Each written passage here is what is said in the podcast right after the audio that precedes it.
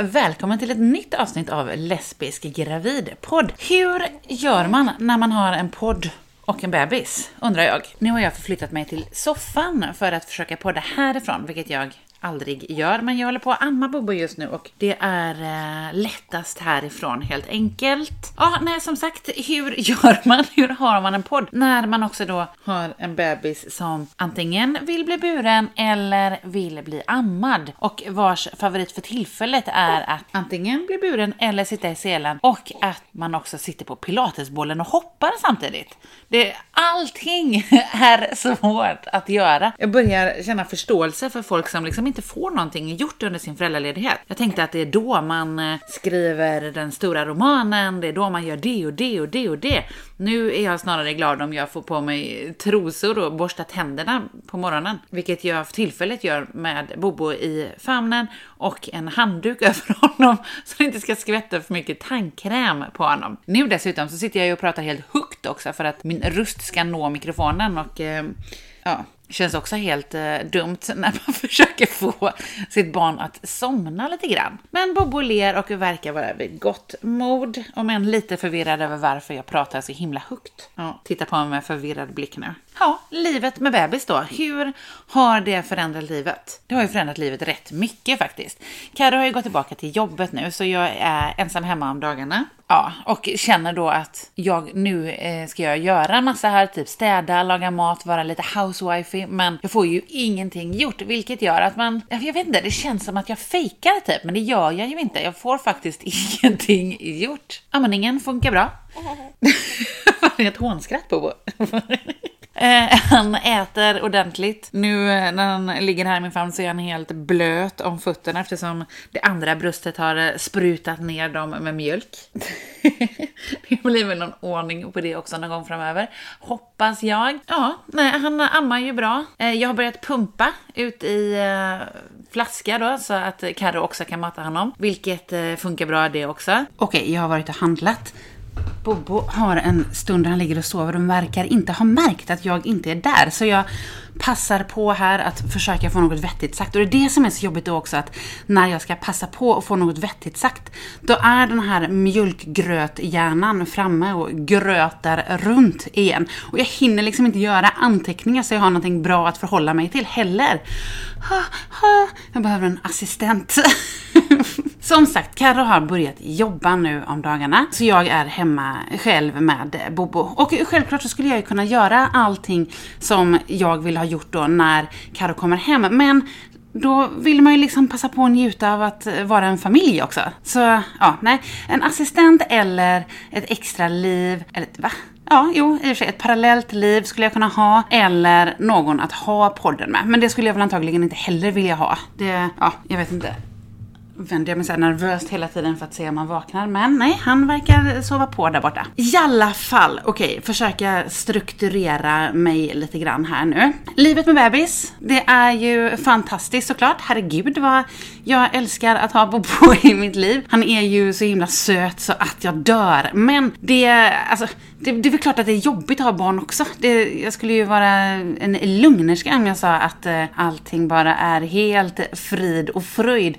Det blir ju att man får ju åsidosätta allting. Han är ju inte bara prio nummer ett utan ja, prio. Eh, så det blir liksom, ja men hälsa, hygien, allt sånt ryker ju. Eller allting egentligen ryker ju som inte kretsar runt honom. Men när man pussar på hans mjuka små persikokinder och de små ultralena fötterna så påminns man ju om att allt är värt det. Det, ja, det påminns jag om typ hela tiden. En annan sak förresten är att en form av ångest har liksom slagit till. Jag vet inte, jag, jag kopplar den till eh, mjölkningen skulle jag säga nu också, men amningen menar jag. Eftersom det är en massa hormoner som håller på att eh, flyga runt där. Så jag försöker råda bot på den.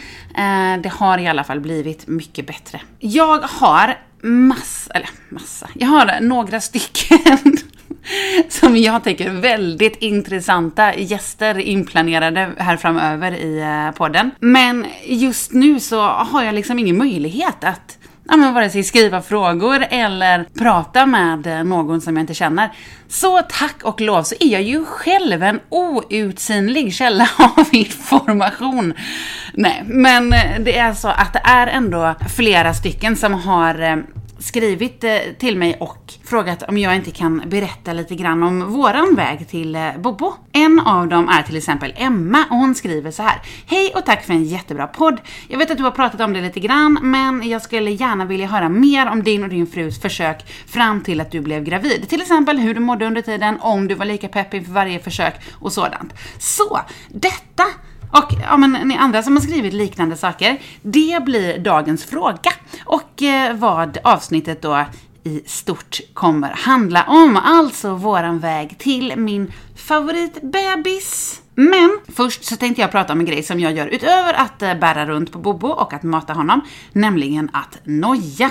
För när man helt plötsligt har fått en liten person som liksom har blivit ens allt, så blir ju allt så himla känsligt. Jag har några saker som jag har nöjat över eh, lite extra mycket, men då också forskat mig fram till att jag inte behöver noja över, för de är inte så farliga. Eller, de är inte farliga överhuvudtaget. Jag nojar ju såklart ändå över dem. Men jag kan ju sprida informationen så kanske någon annan kan sluta noja. Okej, okay, here we go. Bra information att ha är att bebisar kan inte dö av att sätta vätska i halsen. Detta var jag livrädd för innan, för Bobo sätter i halsen typ varje gång han ammar. Det kommer liksom ett, ja men som en stor mjölkpöl och sätter sig rakt i hans lilla hals så han börjar hosta och ser helt eh, förskräckt ut. Men han kan i alla fall inte dö. Jag vill också överföra denna information till honom men det är ju lite svårt. Han är ju ändå bara tre och en halv veckor och jag vet inte hur mycket han fattar av det hela. Så det är fortfarande läskigt såklart för att jag vill inte se honom må dåligt. Men eh, jag kan i alla fall slappna av i att han kommer överleva att sätta mjölk i halsen. Den andra bra informationen att ha är att bebisar har oregelbunden andning. Fruktansvärt fortfarande fruktansvärt jobbigt dock när han ska sova eller när vi ska sova på kvällen för han ligger ju mellan mig och Carro i sängen. Och det blir liksom, ja men jag vill ligga där och övervaka honom. För att kolla så andningen funkar som den ska. Varför har bebisar oregelbunden andning? Det är helt ologiskt. Ha inte det bebisar. Men nu har de ju det. Men hur som helst, det är i alla fall ingenting man behöver noja över då, för det är normalt.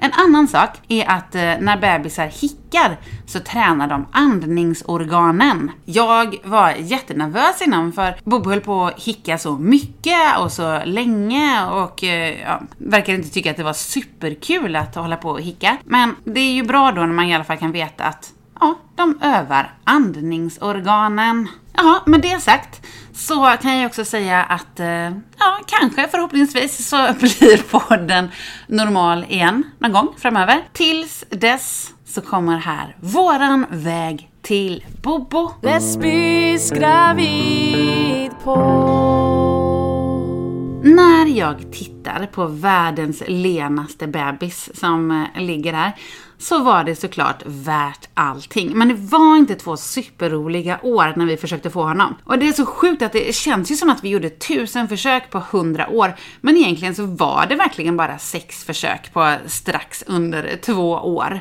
Och som ni har hört här från gästerna i podden tidigare, ja, och som ni säkert visste innan, så blir ju vissa gravida på första försöket, vissa på det tolfte och sedan blir ju en del aldrig gravida och en del på tjugonde försöket och ja, allt däremellan. För en del tar det kort tid, för en del tar det lång tid. Men för oss så tog det alltså strax under två år och sex försök. Det låter ju så himla lite, men under den tiden så hann vi kastas mellan hopp och förtvivlan så himla många gånger. Inte bara sex gånger, vilket hade varit rimligt, utan vi drog ut på det så mycket.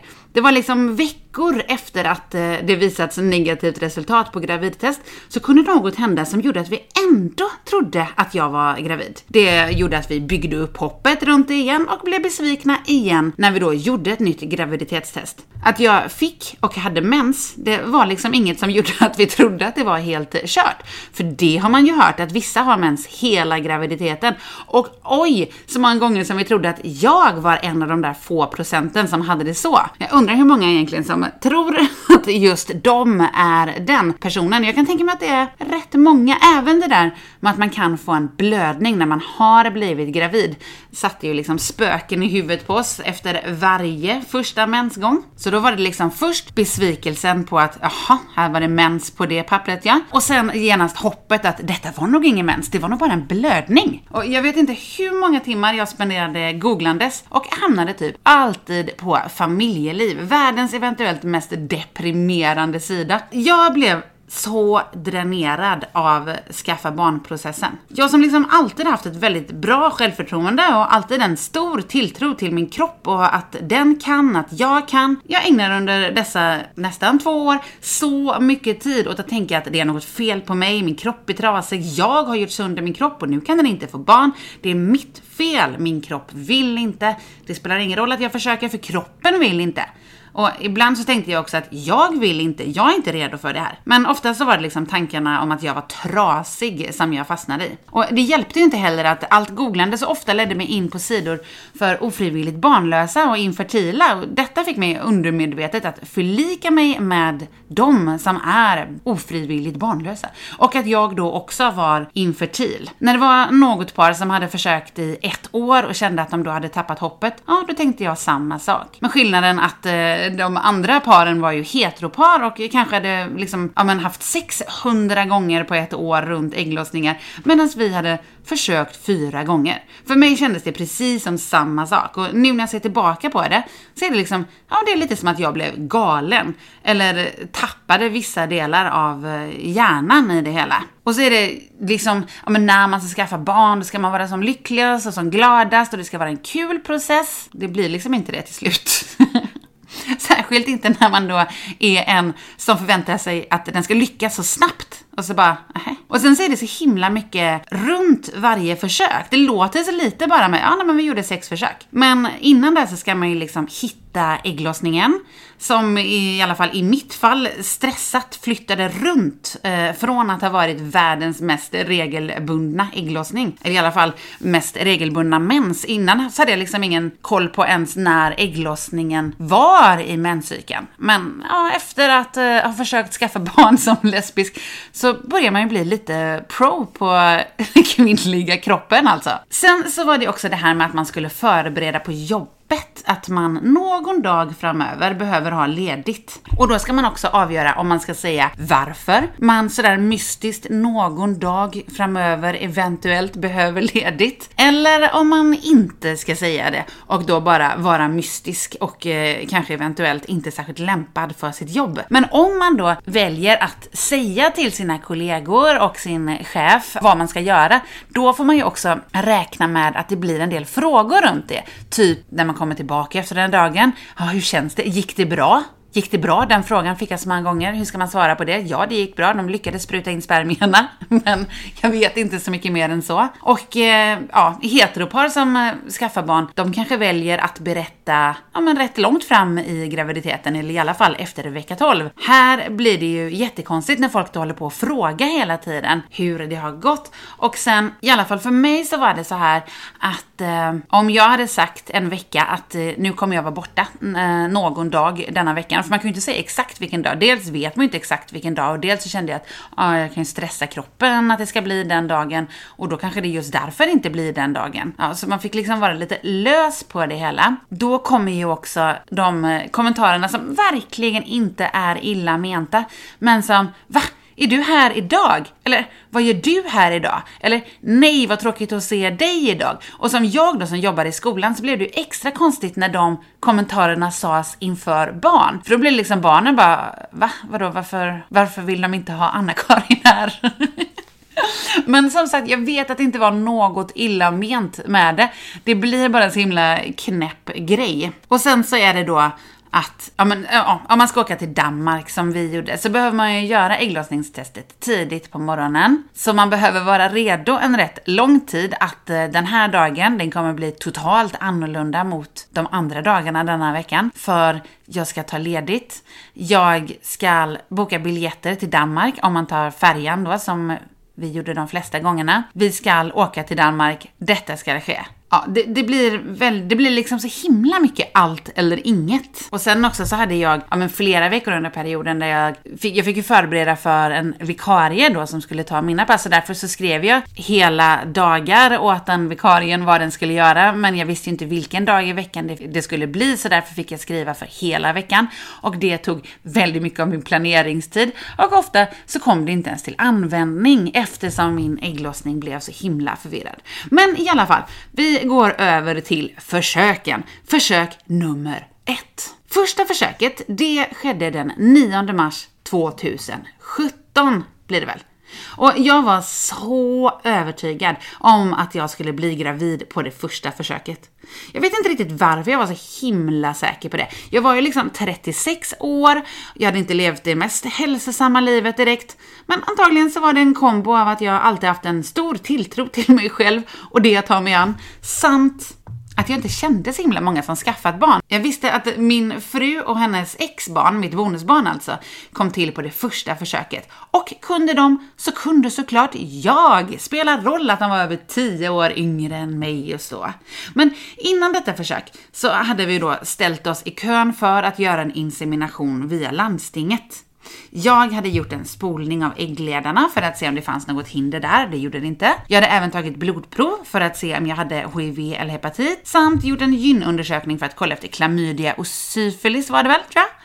Men jag hade ingenting av de där sakerna så det var fritt fram. Vi valde att göra inseminationen på Gaia-kliniken i Hobro i Danmark. För där kom nämligen min bonusson till, så vi visste att det stället funkade.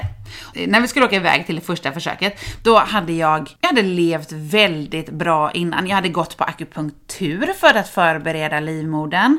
Jag hade slutat med saker som inte är bra när man ska skaffa barn, såsom snus, alkohol, kaffe. Jag hade börjat med saker som skulle öka chanserna att bli gravid. Vi plockade med oss massa lyckoamuletter. Vi köpte tidningen Gravid så jag kunde läsa den på vägen hem. Vi vann 900 kronor på en enarmad bandit på Danmarksfärjan. Så det var liksom, ja men det kändes som att wow, vi har så himla bra flow här. Det kändes liksom helt ultimat. När vi kom fram till kliniken så valde vi en donator på plats. Jag tror det fanns typ tre personer någonting att välja mellan. Och då valde vi en som såg mest ut som Karro.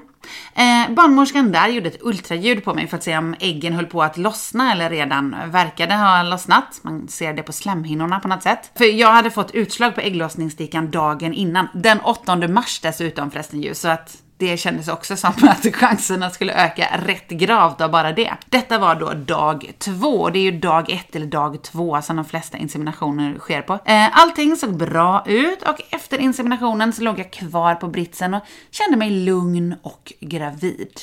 Ja, och sedan följde då 13 dagar då jag fick massvis med gravidsymptom. Men på dag 13, dagen innan beräknad mens, så var jag på en eh, kurs om sex och samlevnad i skolan och när jag gick på toaletten och torkade mig så var det helt överraskande blod på pappret. Och jag vägrade att ta in den informationen, sökte massa nya istället, Karro också efter att jag hade informerat henne. Och det var då som vi för första gången hittade att man kan få en blödning när man har blivit gravid.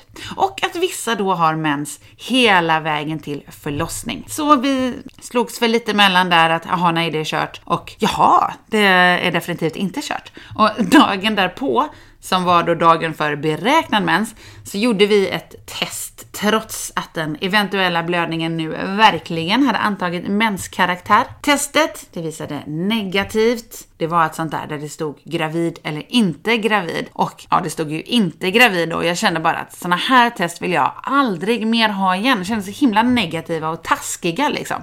Bättre med ett kryss eller två streck. Vi blev ju ledsna när det visade sig negativt, men samtidigt så trodde vi inte på det. Så eh, ja, vi höll på att älta runt i det där ett tag och eh, sedan så bestämde vi oss för att okej, vi gör ett nytt försök när det är nästa ägglossning. Och då var ju det bara ett litet tag kvar där. En vecka efter att vi hade gjort eh, graviditetstestet så kom vi också på att, men hallå, man ska ju testa efter beräknad mens. Det har vi inte gjort. Så då gjorde vi ett test till där och det visade sig, tro det eller ej, negativt. Men sen så följde liksom några struliga månader. Ägglossningen, den hoppade runt och var jättesvår att hitta. Och när den var ja, men så här, flera, flera dagar sen, då kändes det som att okej, okay, men det här är inget bra läge. Det här är bara en förvirrad ägglossning. Det kommer inte ta sig ändå. Så till slut så bestämde vi att vi kör i juni. Då tyckte vi var en väldigt bra månad, men det tyckte inte kroppen kroppen som inte alls eh, levererade en ägglossning när den skulle. I juli däremot så var vi faktiskt i Danmark och campade också. Och då så visade det sig lämpligt nog helt plötsligt en dag att det var ägglossning. Så Karo och jag lämnade vårt lilla camp och eh, for iväg till Hobro igen för att eh, testa på samma ställe. Vi valde en annan donator. Vi hade inte med oss lika många lyckoamuletter denna gång. Och Eh, ja just det, det var den gången också så på campingen så var det så himla mycket myggor och smådjur som hade bitit så mycket runt min rumpa och mina lår. Så när jag låg där med benen uppe i gynstolen så eh, kände jag till slut behovet av att säga till Pernille att eh, jag har ingen konstig sjukdom, jag håller bara på att campa. Inseminationen gick bra, om någon hade frågat. Kom ihåg att den gjorde lite ondare denna gången. Efter att vi var klara med den så åkte vi till Köpenhamn och eh, mötte upp eh, de andra. Vi gick på Ripleys Believe It or Not-museet och där fanns det då två stora träskulpturer som var forntida fertilitetsskulpturer. Så då kändes det verkligen som att det här är meningen. Man skulle ta på dem då för att öka sina chanser att bli gravid och gud vad jag tog på dem. Tog också en liten broschyr där det fanns en adress dit folk skickade in sina lyckohistorier efter att ha tagit på dessa statyer. Helt övertygad om att det är klart att vi kommer bli ett sådant par. Nu förresten så håller de på att bygga om här utanför eh, huset. De gräver upp trottoaren, därav att det är lite bakgrundsljud eventuellt. Sedan flög dagarna fram. Nej, jag skojar bara. Det gör de definitivt inte efter en eh, insemination när man väntar på beräknad mens och att förhoppningsvis inte få beräknad mens. Att leta efter ägglossningen är en evighetsprocess känns det som. Att vänta på bebis eller mensresultat, det är en ännu större evighetsprocess. Dagarna gick, dagarna kom och eh, det kom ingen mens. Det blir också det här förresten, i alla fall jag gjorde det här att när man, varje gång man torkar sig torka även en liten bit upp för att se om det kommer något rosa på pappret. Det gjorde det ju inte. Men sedan kom dagen för beräknad mens och när jag trycker upp pappret en liten bit extra och tar ut det så är det rosa. Och jag blev så jävla arg. Jag tänker bara nu skiter jag i det här, jag vill inte försöka mer. Och sen så tänker jag mig en gång efteråt att det är lika bra att prova en gång till kanske. Sen att nej, jag vill verkligen inte göra det här. Eller vi kanske ska prova med IVF. Ja, tankarna gick fram och tillbaka väldigt hårt. Om jag var knäckt efter första försöket, vilket jag var, så var jag ännu mer knäckt efter det andra försöket. Vi köpte ett graviditetstest i alla fall. Det visade negativt. Men efter ett litet tag så kom hoppet att det är nog inte mens. Det är nog bara en blödning. Från början så sa vi att vi skulle prova högst tre gånger med inseminationer, eller ja, med graviditetsförsök. Funkade inte inte då så funkar det inte och vi får vara glada och tacksamma för det fantastiska liv vi har tillsammans istället. Och eh, eventuellt skaffa massvis med djur. Och det där är ju väldigt lätt sagt, inte lika lätt gjort när man väl har liksom börjat jaga den där drömmen om eh, bebis. Att gå från att inte vilja ha barn till att vilja ha barn var väldigt mycket lättare för mig än att gå från att vilja ha barn till att inte vilja ha barn. Så vi diskuterade saken redan här inför det tredje försöket och ändrade oss redan då att det behöver faktiskt inte vara så att om det inte funkar på det tredje försöket så lägger vi ner, utan vi kör vidare.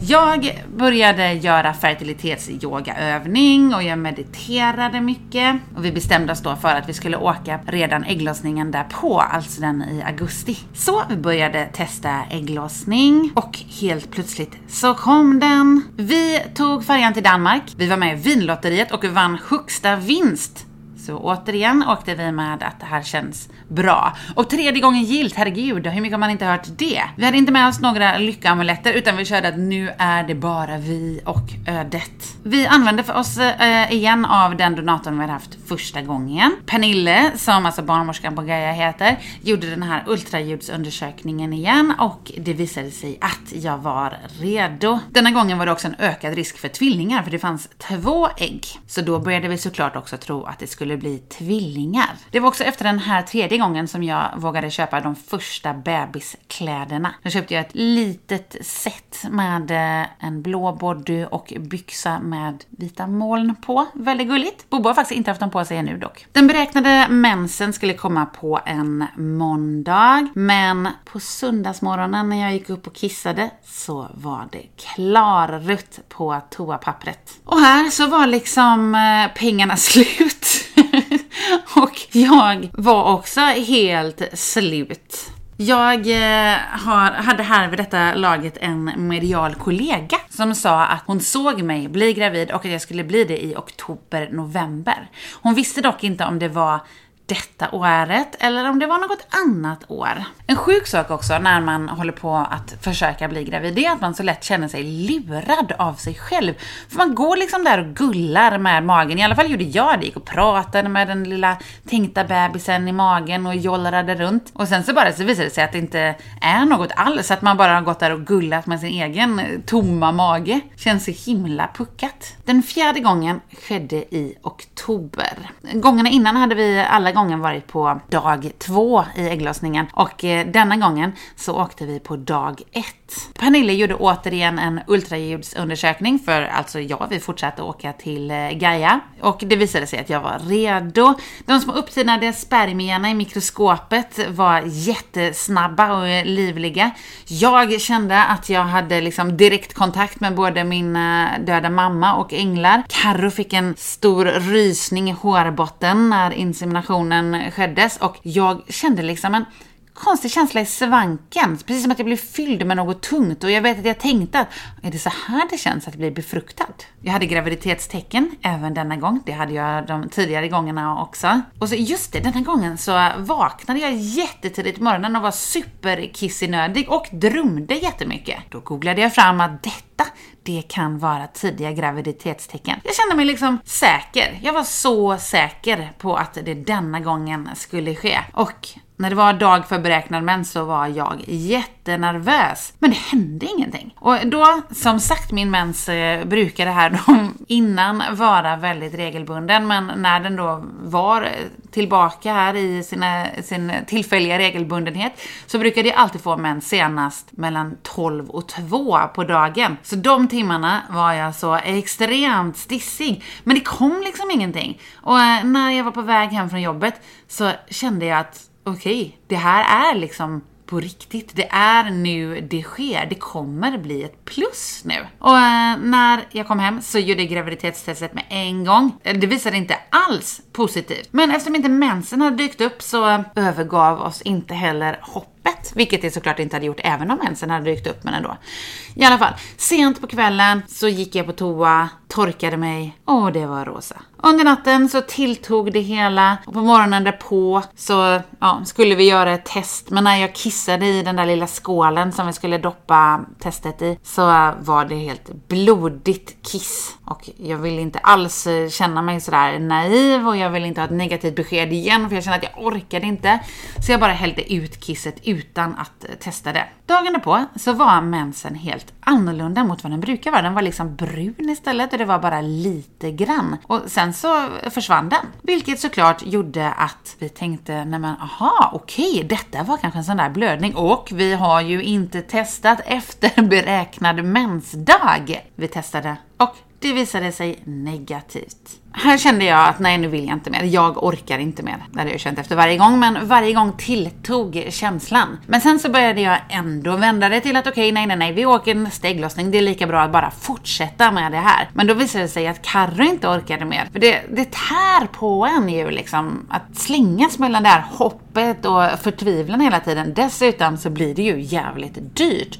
Och nu under den här perioden så hade vi inte kunnat lägga pengar på typ något kul. Vi är ändå vana vid att ja, men, gå ut och äta, resa, göra roliga saker. Men det hade inte blivit så mycket sånt nu, det blev liksom bara de här eh, barnförsöken. Så vi bestämde oss för att pausa lite grann. Vi pausade dock inte hoppet på att jag kanske ändå var gravid. Man hittar liksom så lätt så många olika orsaker och anledningar. Och också den här viljan att göra en ny insemination hela tiden gör att man väldigt lätt Alltså när jag säger man så menar jag jag. Jag vet inte, det låter så egoistiskt som jag säger jag hela tiden. Så känner jag, ja men i alla fall att man är som en spelberoende som håller på och jagar den stora vinsten. Eller en heroinist som bara ska ha den sista silen. Under den här perioden så tror jag också flera gånger att jag har hamnat i ett tidigt klimakterie. Och jag gråter så himla mycket och undrade rätt många gånger om är det värt det här?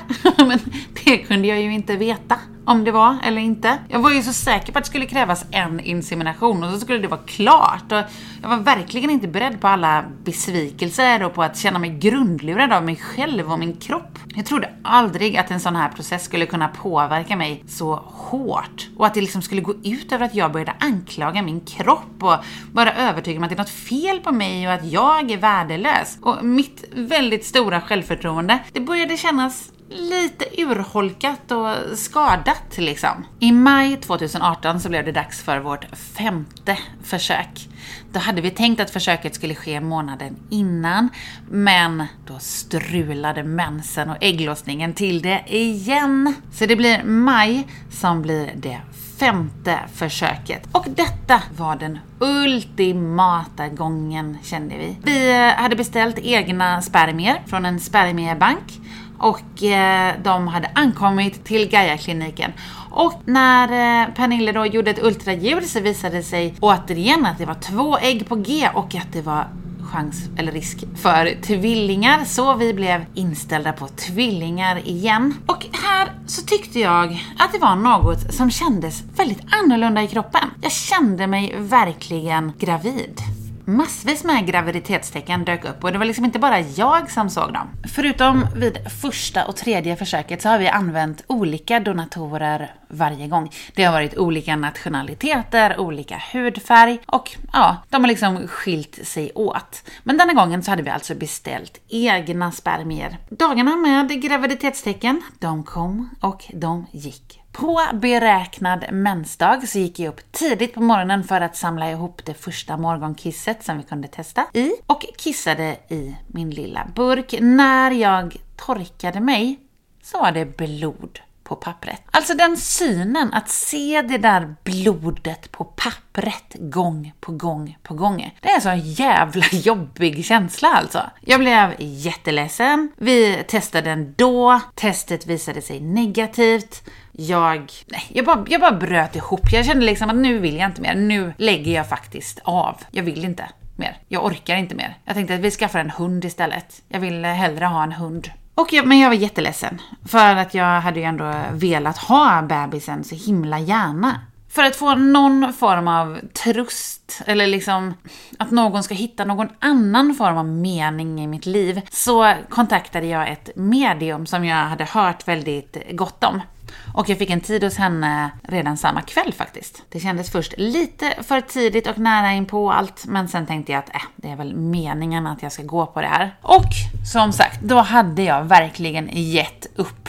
Ingenstans att jag vill försöka det här mer. Utan jag var bara, nej, nu är det slut. När jag kom till mediet så såg hon rätt direkt att jag var där för att jag ville ha barn. Och hon sa att jag känner att du har gett upp, men du ska inte ge upp. Du får inte ge upp för att ni ska göra ett försök till och det kommer funka det kommer lyckas. Men ni behöver byta klinik. Ni behöver vara någonstans i Köpenhamn. Du, eller alltså jag då, skulle gå till en naturläkare för att kolla upp för att hon sa att det funkar, din kropp funkar, äggen är som de ska, men de fäster inte. Och då var detta något som jag hade haft en känsla av tidigare också, att nej men jag tror inte att äggen fäster. Jag frågade också när hon trodde att detta skulle ske och hon sa att du kommer bli gravid i oktober, november. Precis som min mediala kollega hade sagt alltså.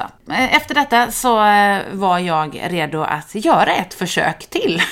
Detta var ju då i juli, så det var ändå ett tag kvar för att jag tänkte jag gör ju såklart inte något försök förrän i oktober, november. Jag bokade tid hos en naturläkare som eh, tog mitt blod och såg där i att jag hade en progesteronbrist, vilket gör att äggen inte fäster, eller att äggen kan få svårt att fästa. Så hon sålde en kräm till mig som man skulle smörja in på handlederna. Denna krämen har jag pratat om, den har varit veckans tips i ett eh, tidigt avsnitt. Karo fick också ny energi och ny tilltro till att det kunde ske, men vi tog en paus och vi levde våra liv som vanligt. Förutom att ett par veckor efter det här så dog min älskade katt Trulsa som varit med mig i 13 år och varit den som närmast med mig gått igenom om mitt berg och dalbaneliv som det hade varit innan. Det var fruktansvärt. Det var jättehemskt. Precis som att jag inte var urholkad redan innan. Sen när semestern var slut, jag började jobba, så bröt jag bara ihop.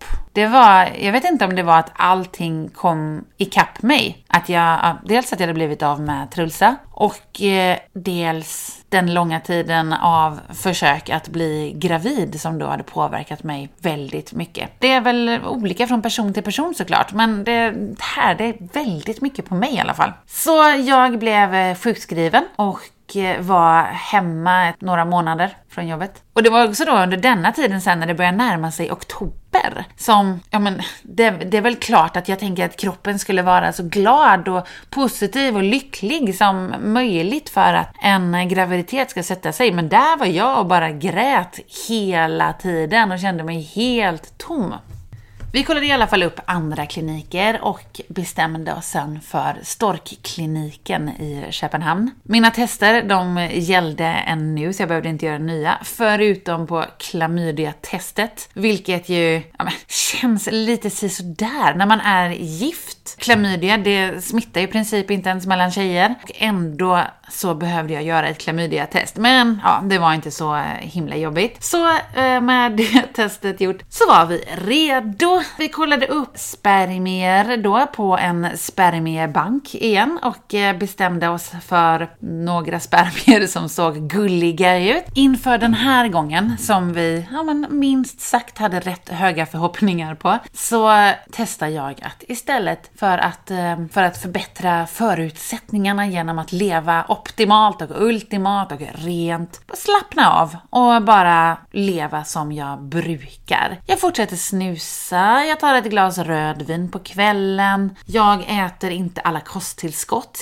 jag slutar med fertilitetsakupressur, fertilitetsyoga, jag går inte på någon akupunktur. Jag tar det helt enkelt mer chill. Den här ägglossningen den kommer precis när den är beräknad, vilket är i slutet av oktober. Och vi åker därmed iväg till Köpenhamn för att göra den slutgiltiga inseminationen på Storkkliniken, som ju visade sig vara superfin och jättemysig och rummet var jättebra, barnmorskan som vi fick var jättebra. Det hade känts lite dumt när jag kontaktade Gaia-kliniken för att säga att ja, nu lägger vi ner, eller ska jag säga att vi ska byta klinik, eller vad ska jag? Eh, ja, men eh, det, det kändes värt det när vi väl var på Storkliniken. Eftersom jag då använde mig av den här progesteronkrämen och den kunde ge graviditetsliknande symptom så vet jag inte denna gång vad vad som är tecken på att jag är gravid och vad som är biverkning av salvan, vilket är jätteskönt för då håller jag inte på att jaga de där graviditetstecknen lika mycket och jag känner mig mycket mer avslappnad denna gången också.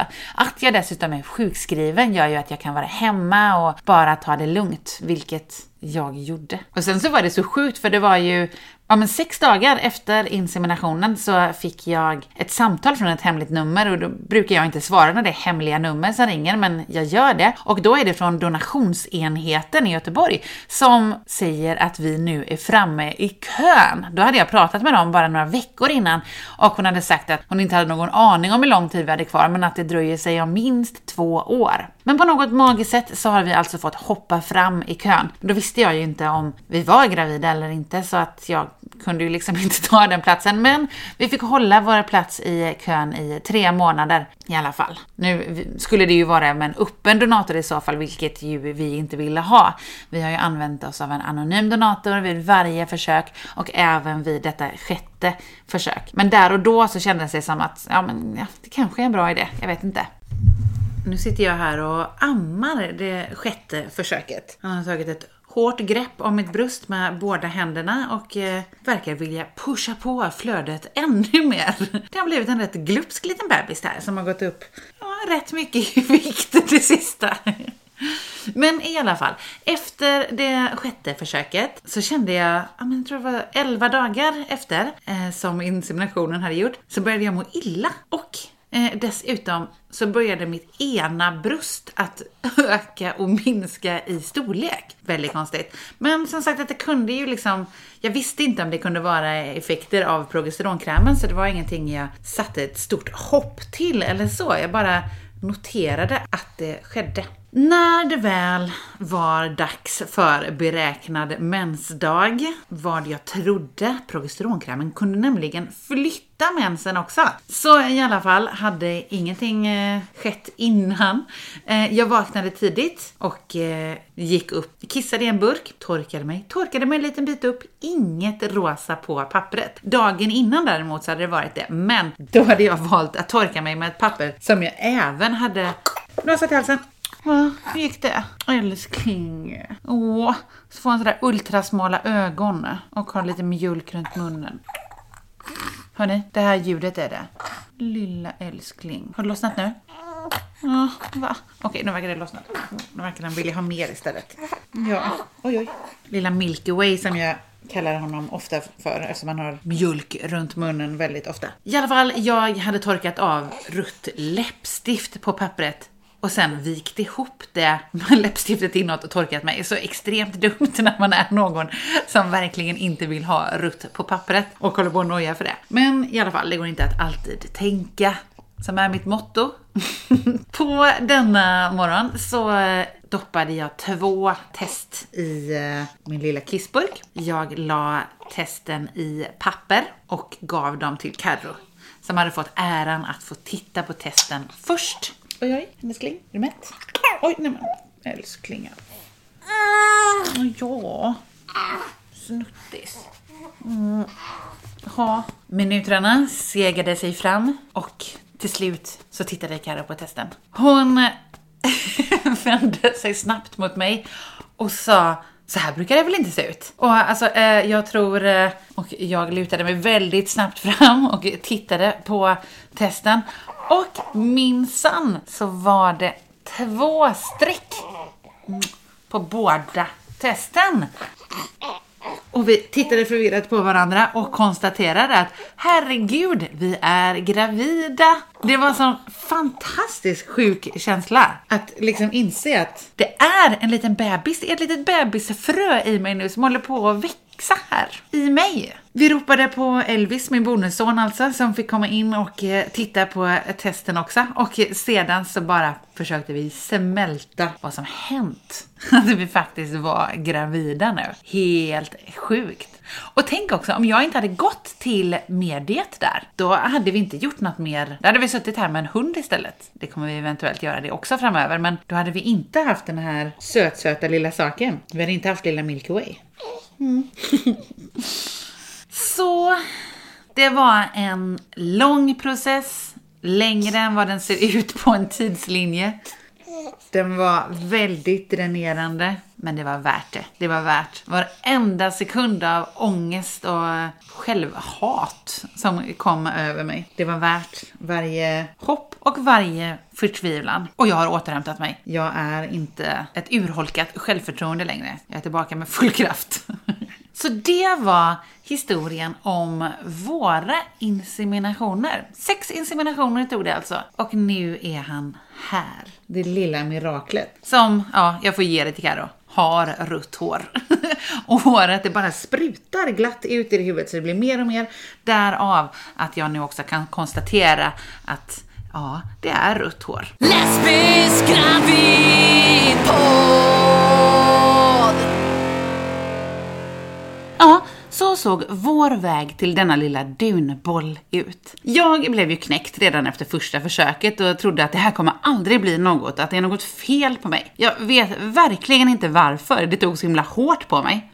Men det är nog visserligen bra att visualisera och sätta tilltro till det första graviditetsförsöket, men också att vara beredd på att det kanske tar några gånger tills man lyckas. Och det är ju liksom lika naturligt det, dessutom mycket vanligare. Trulsa, min katt, pratade jag ju där om också. Och det är efter honom som Bobo heter Truls i andra namn. Så fantastisk katt var det. Och jag hade verkligen tänkt att han skulle vara med under hela min graviditet och sedan vara med när bebisen fanns. Men nu blev det inte så. Hans namn lever kvar i alla fall. Och hans minne för alltid såklart.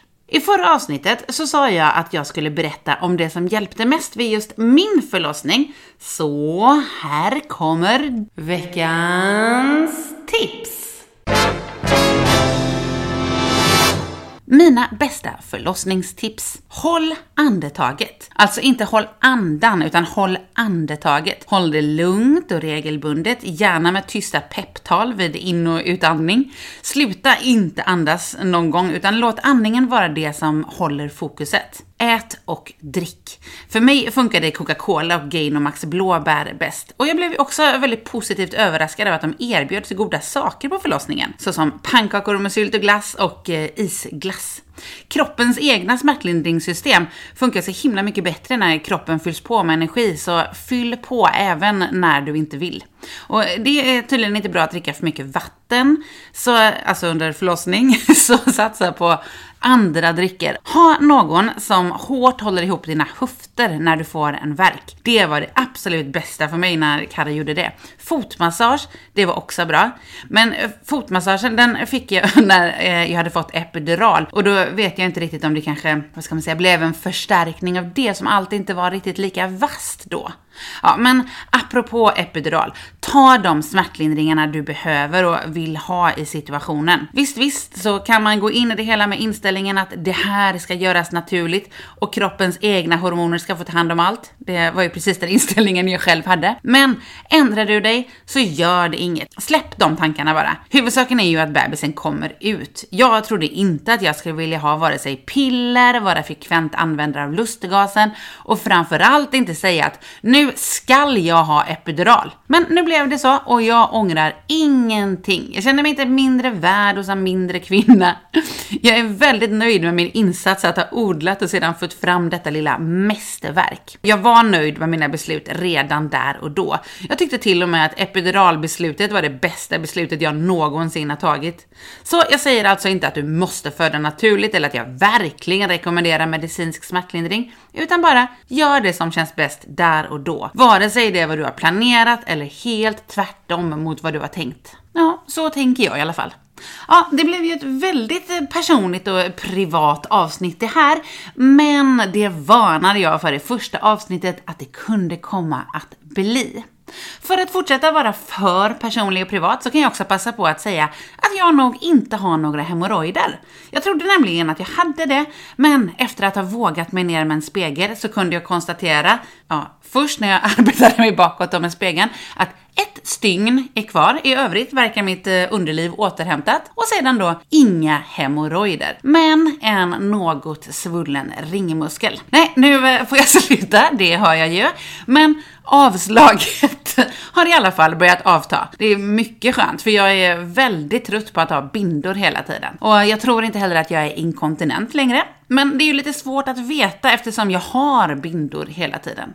Positiv sak är att jag har slutat snarka innan jag har somnat. Så det verkade vara en graviditetsgrej. Skönt! Bobo är ju van vid att höra mina snarkningar från att ha legat i min mage och inte haft något val. Carro har vant sig hon också. Men jag vande mig aldrig riktigt vid att höra dem, så det är skönt att i alla fall jag slipper höra dem nu. I nästa avsnitt så kommer jag ha en gäst i podden igen. Men vem det blir och hur hennes väg till bebis har sett ut, det får ni reda på då. Ha det bäst så länge. Puss puss! Lesbisk gravid podd.